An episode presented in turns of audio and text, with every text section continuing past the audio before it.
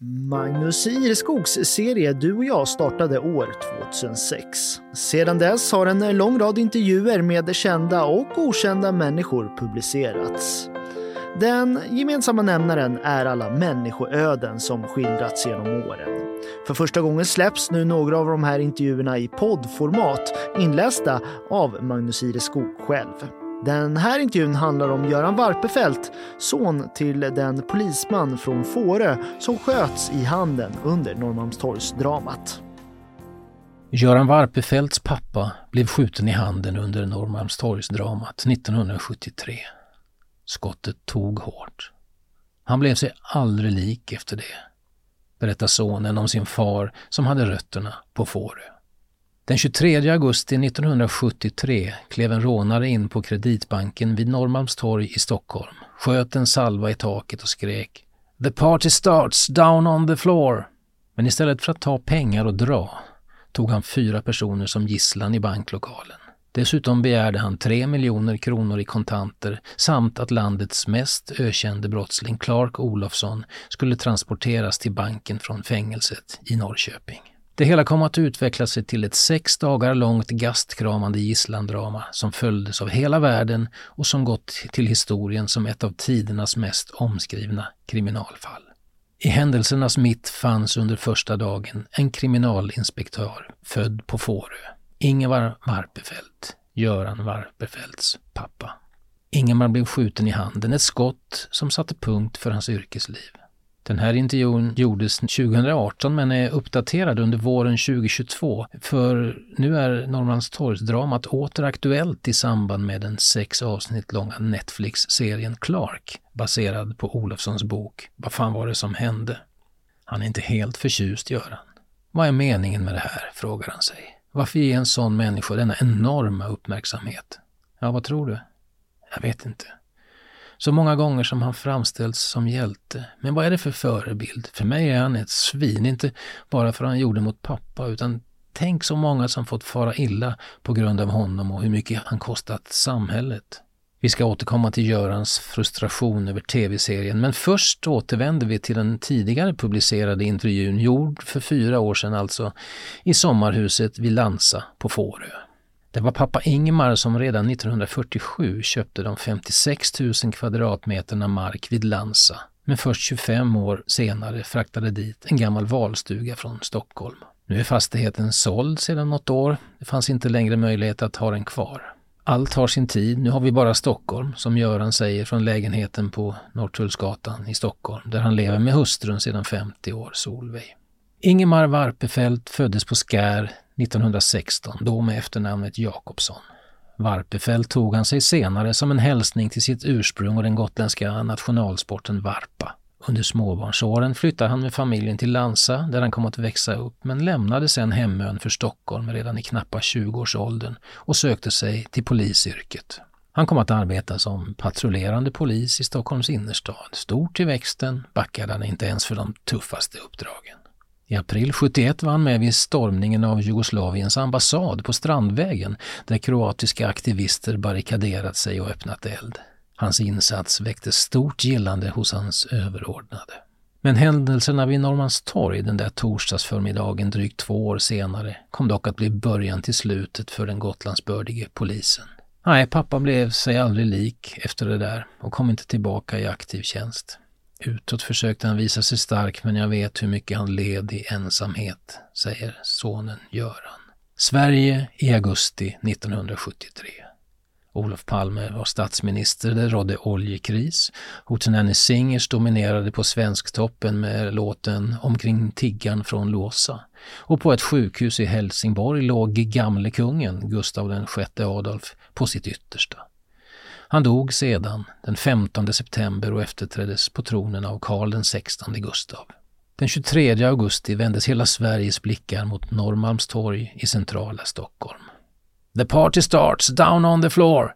skrek rånaren i banklokalen och tog fyra personer som gisslan.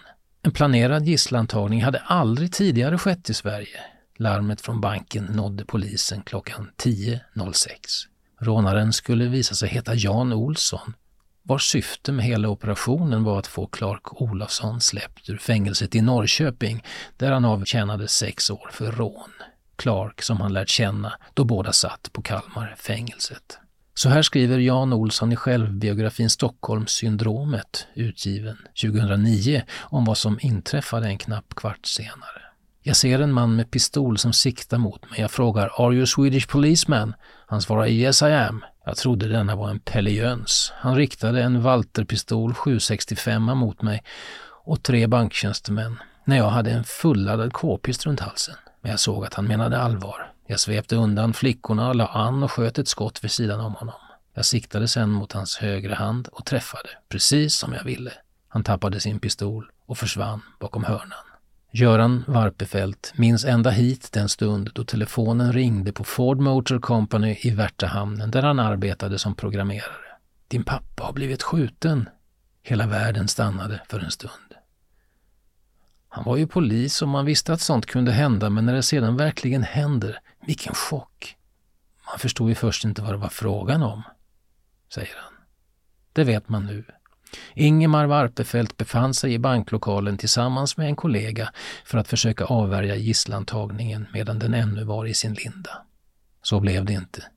Istället kom dramat att pågå inför hela världens blickar i sex dygn innan den fysiskt utmattade rånaren gav upp.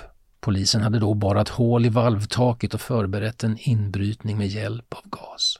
Gisslan undkom fysiskt oskadd och deras sätt att knyta an till gärningsmännen mot polisen kom att internationellt bli känt som en psykologisk term, Stockholmssyndromet. Under hela insatsen hade 150 kriminalare och 200 ordningspoliser varit i tjänst. Torget var fyllt med ett myller av svartvita polisbilar. Det finns för övrigt gotländsk anknytning även i dramats upplösning, för på en klassisk bild leds Jan Olsson ur banklokalen av gasmaskförsedda poliser. En av dem var den då 41-årige Jonny Jonsson som under så gott som hela 50-talet arbetade som polis i Visby. Skottet gick in mellan pek och långfingret i 57-årige Ingemar Warpefeldts högerhand och ut vid handloven. När Göran senare på kvällen mötte honom hade han världens största bandage runt handen. Ingemar var vid tillfället vid förhållandevis gott mod och sa så här i en intervju med Gotlands Tidningar. Ja, jag hade min pistol i ansiktshöjd men vågade inte skjuta. Det var för många människor. Handskadan den får jag dras med ett par månader. Det gör ont men jag får sprutor så det är inte så farligt. Riktigt så blev det alltså inte. Göran minns en far med svåra fysiska plågor och som också kände sig osedd och sviken av polisledningen. Det återkom han ofta till. Han fick medalj av kungen men ingen uppskattning. Det återkom han ofta till. Han fick medalj men ingen uppskattning och tyckte att han blivit oschysst och orättvis behandlad.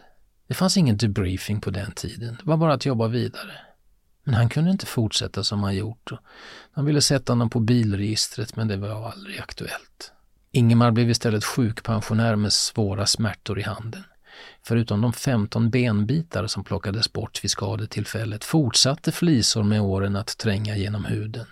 Han minns att han alltid var kall om händerna och gick med ständig värk, säger Göran. Han tappade karisma och styrka. Medicinerna tärde på kroppen och gjorde honom fysiskt svag. Ja, han tappade tänderna till och med och blev en bruten man. Jag frågar hur det var för Göran och hans nu avlidna syster att ha en far som led dessa plågor och han säger att det var tungt att se en människa som tappar gnistan. Men samtidigt var jag inne i mitt liv. Det var mycket annat som tog ens tid. Så här i efterhand tror jag inte att jag riktigt förstod hur mycket han led. Av det fysiskt onda, men också av känslan att ha blivit orättvist behandlad.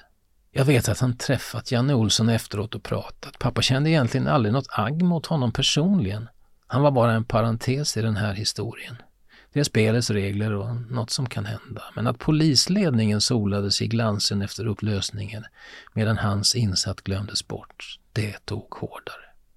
Dramat som så starkt påverkade hans pappas liv finns inte i Görans dagliga tankar men han har haft gott om tid att reflektera. Ja, egentligen är det orättvist. De har närmast blivit upphåsade de där båda, Olsson och särskilt Clark. Men de som lidit, nej, det är inte lika attraktivt att berätta om. Jag har svårt för den där glamouren. Det har genom åren producerats radiodokumentärer och tidningsbilagor om dramat. 2003 gjordes filmen Norrmalmstorg med Shanti Rooney som Clark Olofsson. Våren 22 är Netflix-serien Clark i regi av Jonas Åkerlund i fokus. Där ingår förstås berättelsen om Norrmalmstorgs drama. Serien, som kallas kriminalkomedi, har fått gott mottagande. Sex avsnitt rock'n'roll med Clark Olofsson löd rubriken i Aftonbladet. Göran Warpfefelt har, när den här kompletterande intervjun görs över telefon, ännu inte sett serien. Han kommer att göra det, tror han. Kanske är den okej, okay, så kan det vara. Det är mer själva företeelsen han vänder sig mot. Att ge honom all den här uppmärksamhet som han fått i alla år, jag förstår det inte. Så många liv som han förstört. Och jag såg i någon tidning att han intervjuades om vad som var sant och inte i filmen. Jag menar, vem är han att uttala sig om det? Du låter lite upprörd, gör han. Ja, det är jag. Jag är glad att du ringer om det här, för det finns verkligen en mörk baksida som också borde berättas. Varför ställde du upp på den ursprungliga intervjun? Ja du, det är det här med glamouren. Att Olofsson i alla år framställts som någon slags rockstjärna. Men jag kan berätta hur det gick för dem som skadades där i banken och kanske det kommer något gott ur det. Någon glamour blev det aldrig för Ingemar Warpefelt från Skär och Lansa på Fårö. Han dog en hjärtattack den 21 januari 1989, 73 år gammal. Det var Göran som hittade honom i lägenheten i Sundbyberg där han satt i sin fåtölj med en bok i knät.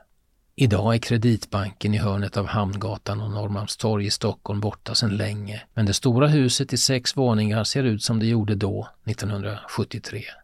En stor del av banklokalen finns kvar i ursprungligt skick men används numera som modeaffär där bankfacken är en del av interiören. För inte så länge sedan var Göran där inne vid ett shoppingbesök tillsammans med hustru och dotter. Helt oförberedd var han på att plötsligt befinna sig i den miljö där hans pappas liv tog en helt annan riktning. Jag fick så tydliga obehagskänslor, kände ren avsmak. Jag måste säga att jag blev överraskad över min egen reaktion.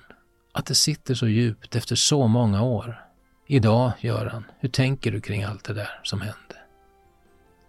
Alltså, som jag sa, hur illa pappa behandlades av ledningen men, rent privat. Att våra barn aldrig fick chansen att lära känna sin farfar på riktigt. Han var ju så märkt av sin handskada när barnen var små. Ja, gillar du också Magnus Ireskogs intervjuserie Du och jag så finner du fler avsnitt på helagotland.se under poddar och program.